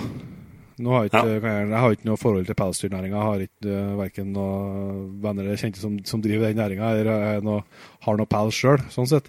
Men, men det, som, det, som, har skjedd der, er jo veldig veldig spesielt uansett. da. For den næringa ja, har plutselig blitt sagt at det får du ikke lov å drive med lenger i Norge. Nei, nei. Uh, og så har man så det, det som er interessant i den saken der, tenker jeg at uh, det, For det var på en måte etablert i Norge, òg, at, uh, at de pelsdyrene som var i norske pelsdyrfarmer, de har det langt bedre enn det, det jevne pelsdyr rundt om hvis du drar på en plass på kontinentet eller til Østen eller sånn. Der er det betydelig tøffere å være pelsdyr, for, å se, ja. se mildt. Ja. Det, det, det, vet man. Men så er det sånn at Uh, i, når det kommer til olje, da, så er et sånt argument som kommer at man sier at oljen er ikke bra for klimaet. Men det er mye bedre for klimaet at vi tar opp olje i Norge, for at vi forurenser mindre. Altså, Vi sier at olje er ikke bra, men det, det, er bedre at vi gjør det i Norge, for at det er bedre. Men det funka ikke på sam, akkurat samme argumentet. Jeg hadde tydeligvis ikke gjennomslag på, på pelsdyr. For at kan si, altså, Så lenge markedet vil ha olje, eller markedet vil ha pelsdyr, så vil det markedet eksistere. Da kunne man jo ha sagt det at ja, men uh, vi er ikke noe glad i det. Men, uh, men, det er bedre at det skjer i Norge i det formålet det skjer her, enn at det skjer andre plasser at dyrene har det verre. Men det funka ikke. Mm. Det ble liksom gjort, uh, gjort så at det, det, skal vi, det er ikke lov til å drive med lenger. Og Det er jo selvsagt noen, noen, som får veldig store konsekvenser av det. Folk som har investert, Unge folk som har investert Vi har lest og snakka om det.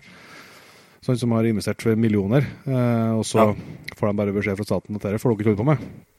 Da, men grunnen til at det, det, at det kunne skje, i hvert fall sånn som jeg kan forstå det, er jo at, at pelsdyrpolitikk, da, eller pelsdyrnæringa ble utsatt for det som er symbolpolitikk. Altså at uh, man vet at det, markedet vil ha det, men, men, det er såpass liten business i Norge, det er såpass lite penger det er snakk om for liksom, samfunnet, at det er en ting som det går an å gjøre symbolpolitikk ut av, og som man kan uh, sange stemmer på. Så derfor så kjører man det. Ja. Og det er det som jeg kjenner på sånn økende frykt for at, at kan skje med jakta, eller deler av jakta. Ja. For at uh, hvis uh, At det liksom uh, ja, Sånn som tilbake til en August sa, sant, altså at der er det uh, ikke noen rasjonelle argument for at man har forbudt uh, grizzlyjakta. Men det er blitt symbolpolitikk, og da er, da er ikke rasjonelle argumentene lenger interessante. Nei. Og dere kjenner jeg på sånn økende frykt på. så det er viktig at uh, vi jegere snakker om uh, og har et forhold til, men òg veldig viktig at vi klarer å, å nå ut med eh, både viktigheten av jakta, hvorfor vi gjør det, hvordan vi gjør det, eh, osv., videre og, og utover jegerstand. Mm. For å sørge for at vi opprettholder liksom, både den troverdigheten og tilliten vi har i folket, og, og for å være sikker på at vi ikke blir ikke jakta blir blir satt til side som, som, et uh, politisk uh, spill, i verste fall, liksom. Mm, mm. Så Nei, det blir Det, det det blir spennende å følge den utviklinga der i, i, noen år framover. Jeg tror ikke vi ser noe, vi ser noe tydelige, tydelige utfall av det i nærmeste framtid, men uh, det er spennende å se hvor vi liksom står her om fem-ti år. Ja, helt enig. Hva liksom hvordan det, hvordan det ser, ut, ser, ut, da. Ja. Og det er litt sånn uh, som uh, vi, sånn den runden vi hadde i, i vinter med rundt gaupejakta. Så liksom hånda på hjertet, så, så ble ikke jeg skremt på en måte av hetsen og drapshuslene. Det fikk ikke jeg et pulsslag ekstra av. Men, uh, men, som den her, altså den avstanden som du sier, Inge, fra naturen, den her Altså ikke ønske om å, om å liksom forstå viktigheten av, eh, av jakta og, og, være med på at mennesket har en rolle i naturen, på et vis. Det, ja, ja. det skremmer meg, altså. Men selvsagt er det vanskelig å si hvor mange det, hvor mange det gjelder. Vi, ja, men eh, det, det er noe som, eh, som er et tema som vi helt sikkert òg kommer tilbake til, tenker jeg. Ja, helt sikkert. Yes, Nei, nå må vi prate jakt igjen, Petter. Ja. Ja, jakt. Har du noe Nok, nok, pel, nok, nok pelsdyr og nok olje. Ja, ja, ja kanskje litt sånn politikkpod, har jeg. ja, ja.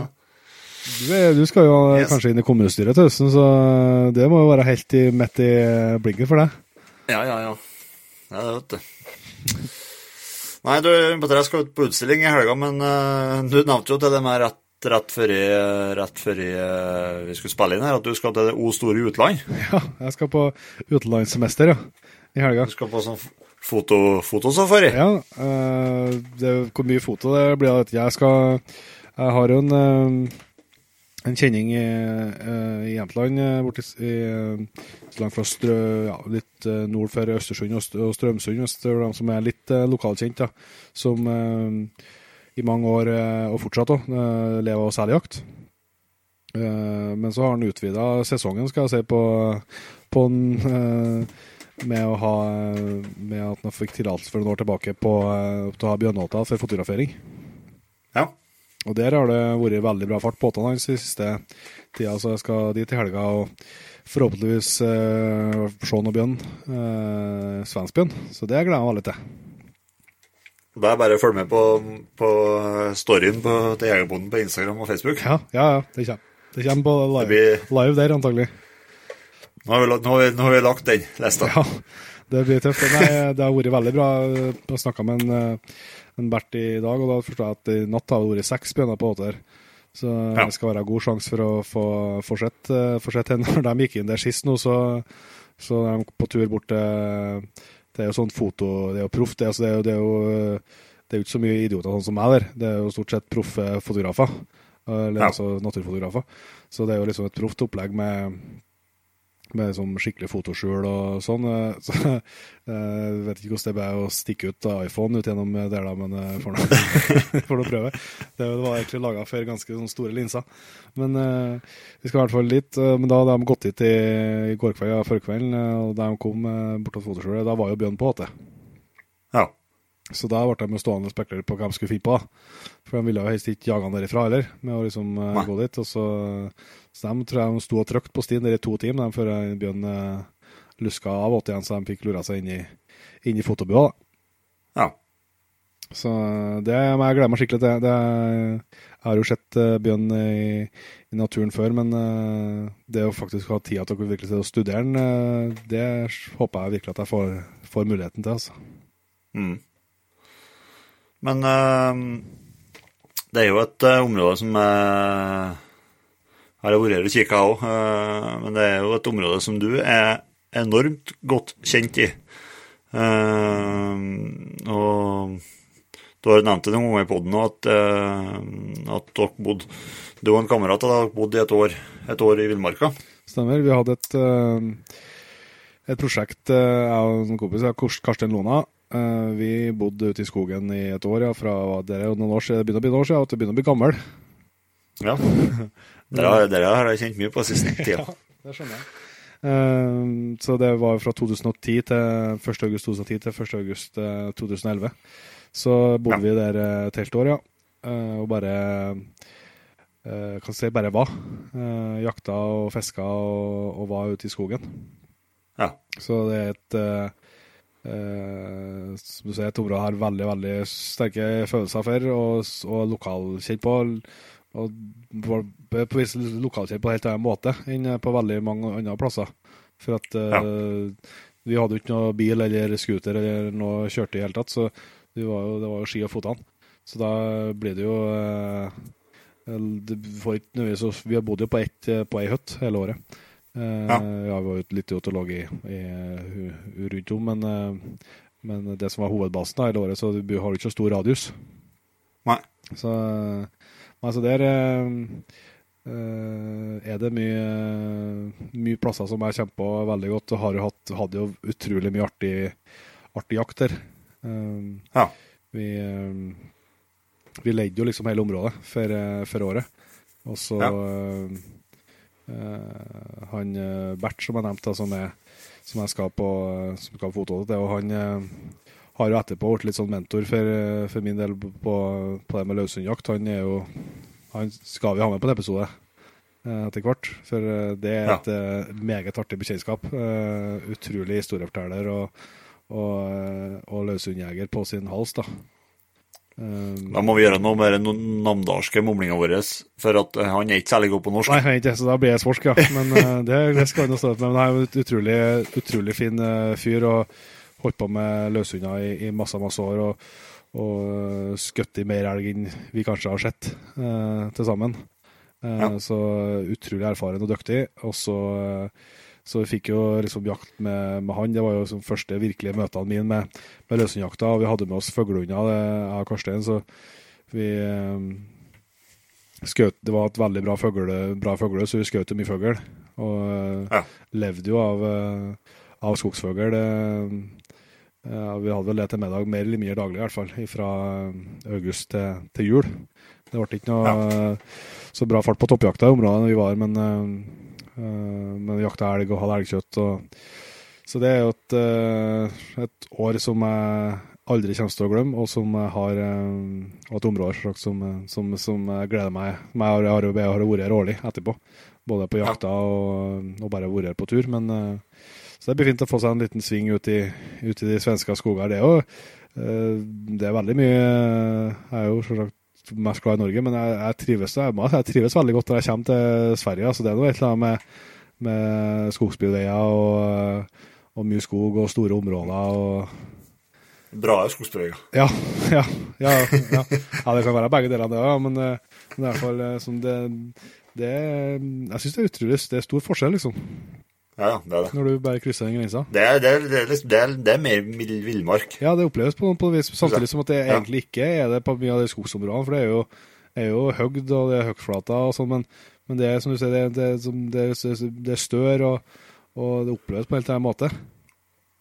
Og så er kulturen litt eh, som eh, er I hvert fall når du begynner å komme ut på virkelig glesbygden der, så, mm. så er det litt annen kultur òg enn, eh, enn enn hva man ser mange plasser. så så folk er både de som jakter og ikke jakter, liksom har et litt annet forhold virker, med mye opplevelse, litt annet forhold til skogen og til dyrene. og sånn, så Nei, det blir kjempehelg. Så jeg håper virkelig at jeg skal kunne Det blir vel ikke uh, Jeg tror ikke det blir noen Jeg driver panisk før vi starta innspillinga og leta etter laderen til speilreflekskameraet som ikke har som lufta på de siste tre årene. Så hvis jeg finner det, så kan jeg at jeg får et annet bilde som ser sånn noenlunde ut. Men uh, det er ikke så sagt for min del, så er ikke målet å, å ta bilder, egentlig. Det er å, å få, få, studere dem. Ja, ja. De gangene jeg har uh, jeg sett bjørn, så har det liksom vært i sekund, i noen sekunder, bare. Så. Ja, ja. Jeg tror uh, nå er du som er hovedprogramleder i her Jegerpodden, så, så tror jeg en episode her uh, Eh, om en stund så tror jeg at jeg skal ta over eh, programlederrollen, og så skal vi få med oss en Karstein, og så skal, skal, vi ta en episode om det året der som Karstein får komme med litt eh, godbiter om eh, sitt liv 3, 65, 14, 7, 24 osv. i lag med deg. Ja, det, det, gikk faktisk overraskende bra, så det, må, det kan vi få til. Kanskje bare jeg og Karsten skal ta den praten. det er kanskje det er større sjanse. Nei, det må vi få til, ja. Det var jo ja. det, det var et unikt år. Det, var, altså, det var ikke, sånn, det var ikke ja. noe ekstremopplegg, det der. Det var ikke sånn at vi skulle uh, leve av på høtt yes, og, vi, og liksom, ja. Det var bare et, et, fantastisk fint liv. Det var ikke noe Det var ikke noe forsøk på å leve av bare av bork, liksom. nei, nei. Så. Nei, men det tror jeg vi, det, det tror jeg vi skal gjøre, gjøre, gjøre en episode av. Uh, og det er jo ikke minst Det må nå være en del bra jakthistorier i forbindelse med turen der. Ja, det er det helt klart. Ja. Det gikk bra noen ganger der òg, det gikk dårlig noen ganger. Så det fins begge delene. Mm. Yes. Nei, det vi sitter og skravler. Jeg ser klokka går når vi snakker òg, men, uh, men uh, vi har jo tenkt vi skal by uh, lytterne våre på en, god, en, del gode tips her mot slutten. Ja, vi bruker jo vanligvis å ha litt uh, jakttips og utstyrstips. Nå har det jo kommet ganske mye om det er tips, i hvert fall utstyrsprat allerede. Eh, ja. Og jakttipsene eh, det, Vi har jo kommet med noen før, og vi kan helt sikkert komme med noen flere òg, men uh, jakttips er fint. For her gangen får det være hvis du har lyst og anledning, slå til på en hundekasse. Ja. men, eh, men vi har noen andre tips, eh, har vi. Um, nå når tid- nå- nå- nå når tida har, eh, har lagt seg, lar seg gjøre det, så, så hender det seg at eh, både og du sitter og kikker litt etter jaktstoff på nettet. Yes. Uh, jeg har annet skumma gjennom uh, Jeg har ikke skumma gjennom, jeg har sett alle episodene av en ny serie som går på uh, SVT. Sveriges Televisjon. Som ECS, som Nå må jeg sammen var inn på Sverige her. Eh, Som heter For jaktliv. Stemmer. Eh, Jeg tror det var en programserie som, eh, som eh, Jeg vet ikke om det var åtte episoder eller sånt. det. Jeg har sett de fleste av dem, jeg husker ikke på hvor mange det er. Nei, Uh, i hvert fall så Og den ligger åpen på SVT sin hjemmeside, så går det an å se på nettet. Mm. Syns det egentlig var en utrolig kurant og bra serie. Tok for seg mye forskjellig jakt. Uh, Villsvin, fugl, bjørn, elg. Eh, to pro- programledere som er med, er med andre folk ut på jakt. og Ja, som er ivrige og dyktige jegere sjøl, da. Ja, ja. Eh, så de, de er med på jakta. Mm. blant annet var jeg med med en Robert på Robert Salmonsson på bjørnjakt her. og, og ja, masse fine fellinger av både fugl og elg og bjørn og forskjellig, så eh, det er en serie som jeg anbefaler flestene å ta en kikk på. Jeg er helt enig. Det er så, vanligvis så syns jeg kanskje mye av det her, når det er Kall det jakt på eh, på eh, Riksdekkende kanaler. Ja, så mainstream media, skal vi si. Så, så, så er det ikke bestandig at jeg syns det er så, så bra, men det synes jeg var, en veldig fin serie. Ja Som, er, som jeg, jeg i hvert fall håper og tror at de treffer både jegerne, eh, det har vi sagt at de gjør nå, i hvert fall oss to. uh, Men at de, Ja. jeg tror kanskje at den eh, treffer dem som ikke er jegere. Eh, På Ja. liksom, vise, vise fram eh, vise jakta på en god måte. Så ta sjekk ut den, det er absolutt verdt det. Og så har vi et uh, tittertips til. Uh, Ja. Det er jo nesten litt sånn rart at vi skal sitte og anbefale, for at det er jo faktisk en det som i markedsføring heter content marketing, altså at det, det er egentlig markedsføring. markedsføringsfilm. Men det er så bra, og så bra laga, at det fortjener tipset likevel. Det er Interjakt i Sverige. Eh, de kommer heller på Etterpleis i Norge og Interjakt. Ny kjede, eh, men Interjakt i Sverige som har laga en, eh, en YouTube-serie som heter For Storjegeren fra Texan. Ja. Det er jo litt helt ny, det er vel kanskje et års tid eller noe siden den Jeg gjelder akkurat datoen. Men den, Ja, det er stygglenge siden jeg så den. Ja. Men jeg har ikke blitt klar over den før nå for et par uker siden. Nei. Eller jo, jeg har hørt om det, men jeg har ikke sett det for, for et par uker siden. Og det må jeg virkelig si at det er et fantastisk bra konsept. Eh, Ja. Det handler jo om en, eh, en gutt som eh, har en diagnose, jeg skal ikke eh, si at jeg husker på den, Jeg skal ikke eh, ut, ut på det, men han har i hvert fall en, en eh, diagnose som han er den første i, Sverige som har tatt eh, jegereksamen med den, med den diagnosen, eh, og som Ja. har en drøm om å få skjøte en bjørn. Og det vi får lov til å være med på den reisen, liksom fra han får den beskjeden at eh, nå skal, du, skal vi prøve å gjøre det til en realitet, og være med på den reisen når han forbereder seg og, og, og trener og, og prøveskjøt, og til slutt så fer de til, til Canada, de ber på jakt osv. Det en, jeg synes det var et fantastisk godt konsept, altså. Eh, Ja, det var, det var rørende å liksom få se utviklinga og hvor han gleda seg, og bare sånne små småting som gjorde at han ble helt i ekstase og, og Ja, nei, det var, det var en stikkfin serie. ja, det, det skal selvsagt Så, altså, jeg, jeg, jeg syns det som er, det som er kanskje litt ekstra bra, det er at det viser hvor mye uh, jakt kan uh, glede folk. hvor mye det kan bety, ja. Ja. Helt enig. Det viser dem på en helt glimrende måte å, og vise liksom å kalle livet på, på bygda, når det er på sitt beste. Eh, Ja. Med liksom et lokalsamfunn som er engasjert og eh, Inkluderende. inkluderende på alle. Så det er utrolig flott. Veldig godt laga. All honnør til Interact som, eh, som har fått dere på beina og, ga han den muligheten.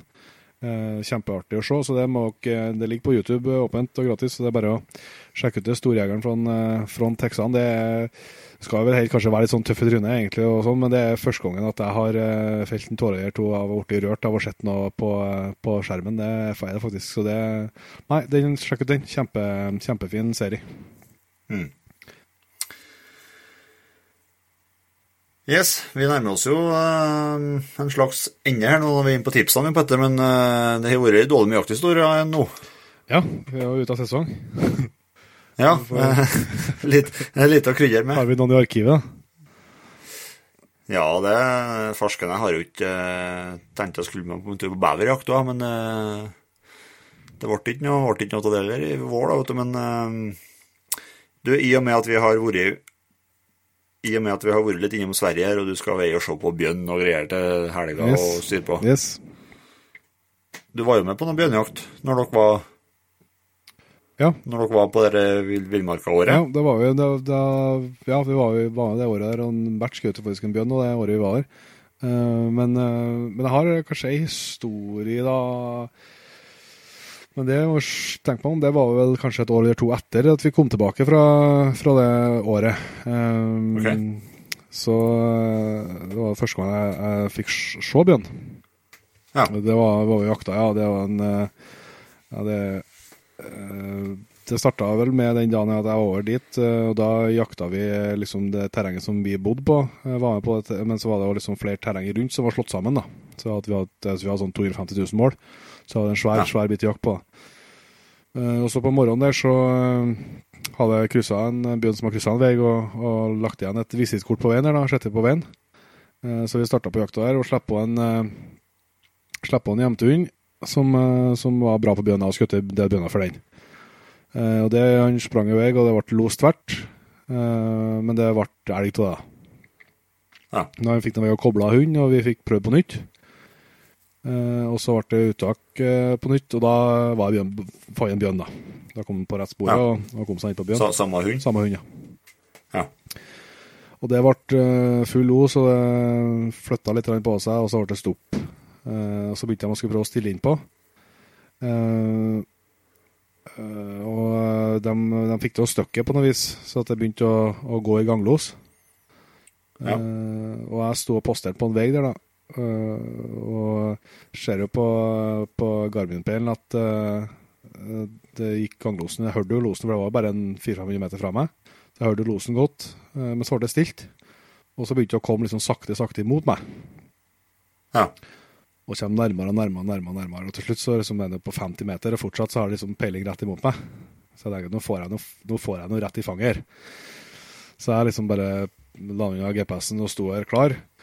Men uh, det var bare hun som kom fram. Når han uh, gitt seg, det var jo, Da begynte å komme litt på dagen, og det var styggvarmt. Så, så jeg vet nesten ikke om jeg har sett en så klar hund og jeg var helt ferdig.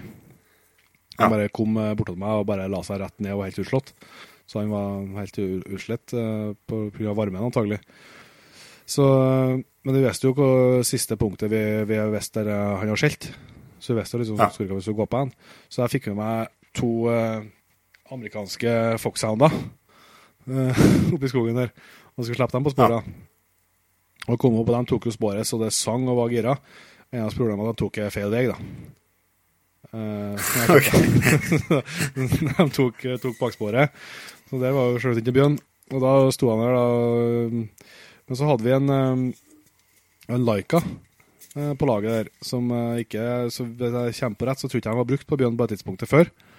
Nei. men han, han har skjelt bra på villsvin og var heit så at de har lyst til å prøve han. Ja. Så det var noe litt, Da hadde vi jo liksom, da hadde vi ikke noe mer hunder som, som gikk likevel, så da var vi jo henta til den. Og han kom opp til meg der, og vi, så jeg sto på sporet, og, og, så kom vi opp der. Og han uh, virka som han tok sporet, så vi gikk en liten bit, og så slapp vi den. da. Og det gikk ikke lenge, ja. så ble det full los.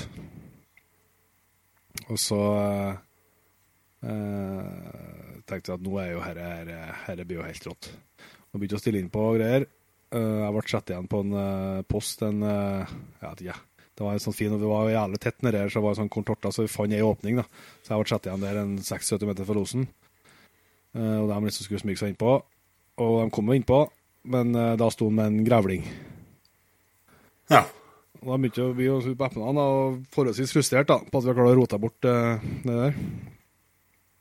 Men uh, jeg vet ikke, jeg, kommer ikke, jeg skal ikke helt på detaljen om det var at uh, Laikan bare fikk være løs, eller om de slapp den på nytt. Jeg husker ikke helt på, men i hvert fall så var nå Laikan løs. Uh, og det gikk ikke lenge, så ble det ny los. Ja. Og vi hørte liksom det at det var annen låt og greier, og da stilte vi inn på alle tre. da. For det var han, han som var hundfører på den jenten, han var oppe i skogen der ennå. Og, og så var han der som hadde sluppet der, der foksene, og så var han og han Malaika der, så vi prøver å stille inn på alle tre, og vi kommer jo ganske nært innpå. Vi er, vi er vel, når vi blir helt sikre på at det er bjørn, så er vi kanskje på 15-20 meter. Ja. Og kommer inn på til slutt på en 10-15 meter, men det var jo så potte kjett, da. Uh, at uh, vi visste ikke uh, liksom hva vi skulle. Så vi satt liksom på huk der, og vi hørte jo at bjørn knurra og fresa til hund, og når hund var stille i, imellom, imellom rundene en skjelt, så, så hørte vi hund med bjørn pusta og pesa, liksom, så vi var nært. da. Det var liksom Ja. sikkert på under ti meter i perioder. Men jeg, så- jeg så bjørn eh, Eller altså, jeg vil si at jeg, det var ei lita, bitte lita glen der som jeg så at eh, Der jeg først så hunden forsvant, og så så jeg at det kom et, et eh, Det ble svart inni her, og så ble det lys igjen. Så det var Ja. liksom på nivået her. Altså, jeg satt nå med, med, med kikkertsiktet inni, inni det hølet for å se om det skulle dukke opp noe å skjøte på, men det gjorde nå ikke. Så jeg vet ikke jeg hva som eh, skjedde, men han, eh, om det var motet som svikta denne svensken, eller hva det var. Men i hvert fall så plutselig så reiser han seg, denne svensken. Uh, utover ikke håper han hører på den. Plutselig så reiser han seg ut av det blå. Eh, bare reise seg, reiser seg opp, liksom. Og det er nok til at Bjørn bevarer oss og, og støkker, da. Og da Ja. går det ganglås derifra. Så jeg og han eh, hundføreren på Laikan vi sprang ned til nærmeste veien da, og skulle prøve å skære av det, for det var liksom på tur imot den veien. Og vi sprang jo det vi, var, vi klarte. Uh, så kommer vi ned til veien og springer veien bortover en bit og følger med på GPS-en og ser at det kommer til å krysse veien framfor oss. Uh, men så kommer vi bort til et jakttårn der det sitter en postar. Eh, og det er da vi gjør tabben, da, antagelig. Men, uh, så vi stoppa der. for Vi liksom ikke gå framfor posten hans. da. Uh, så vi står der kanskje i 30-40 sekunder, og der kommer, kommer Bjørn Aarveien da, i fullt drag. Nei, vi sto kanskje lenger, vi sto kanskje et par minutter. I hvert fall kommer Bjørn Aare i fullt drag, og det smeller et skudd fra, fra han posten, men ja, tøft syn, da, for med samme det small, så hoppa Laikan opp og beit Bjørn i ræva liksom, og snudde den, så han for opp i skogen igjen. Ja.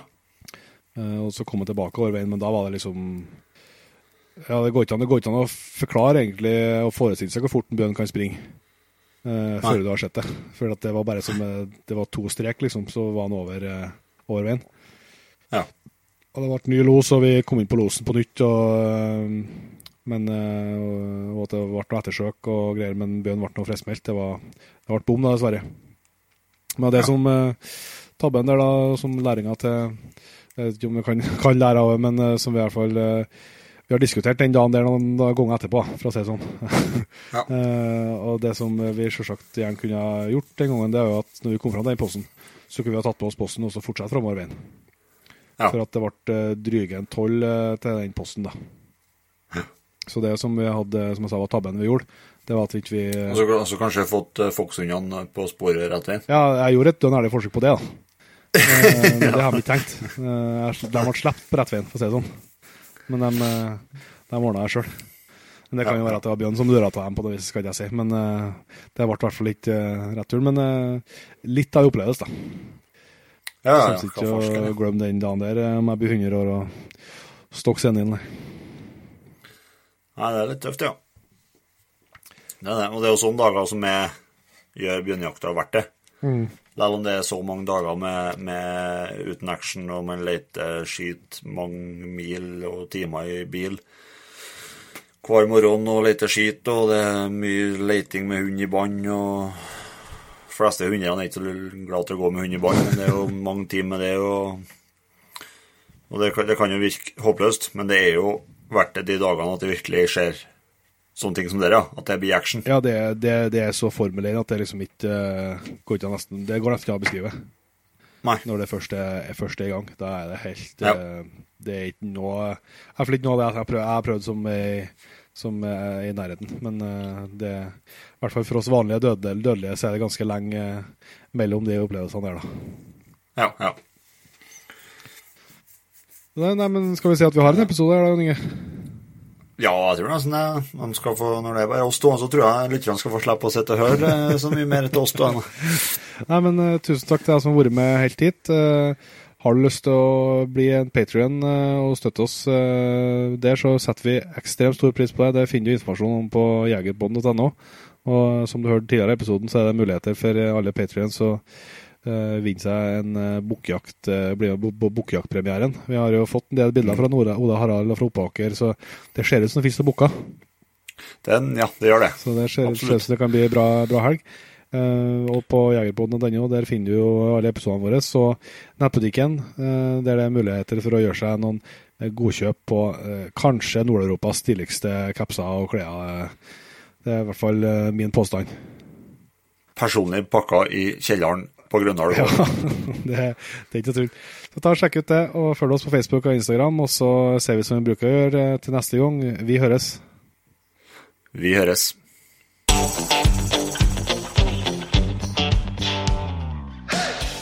Tusen hjertelig takk for at du valgte å bruke litt av tida di på Jegerpodden.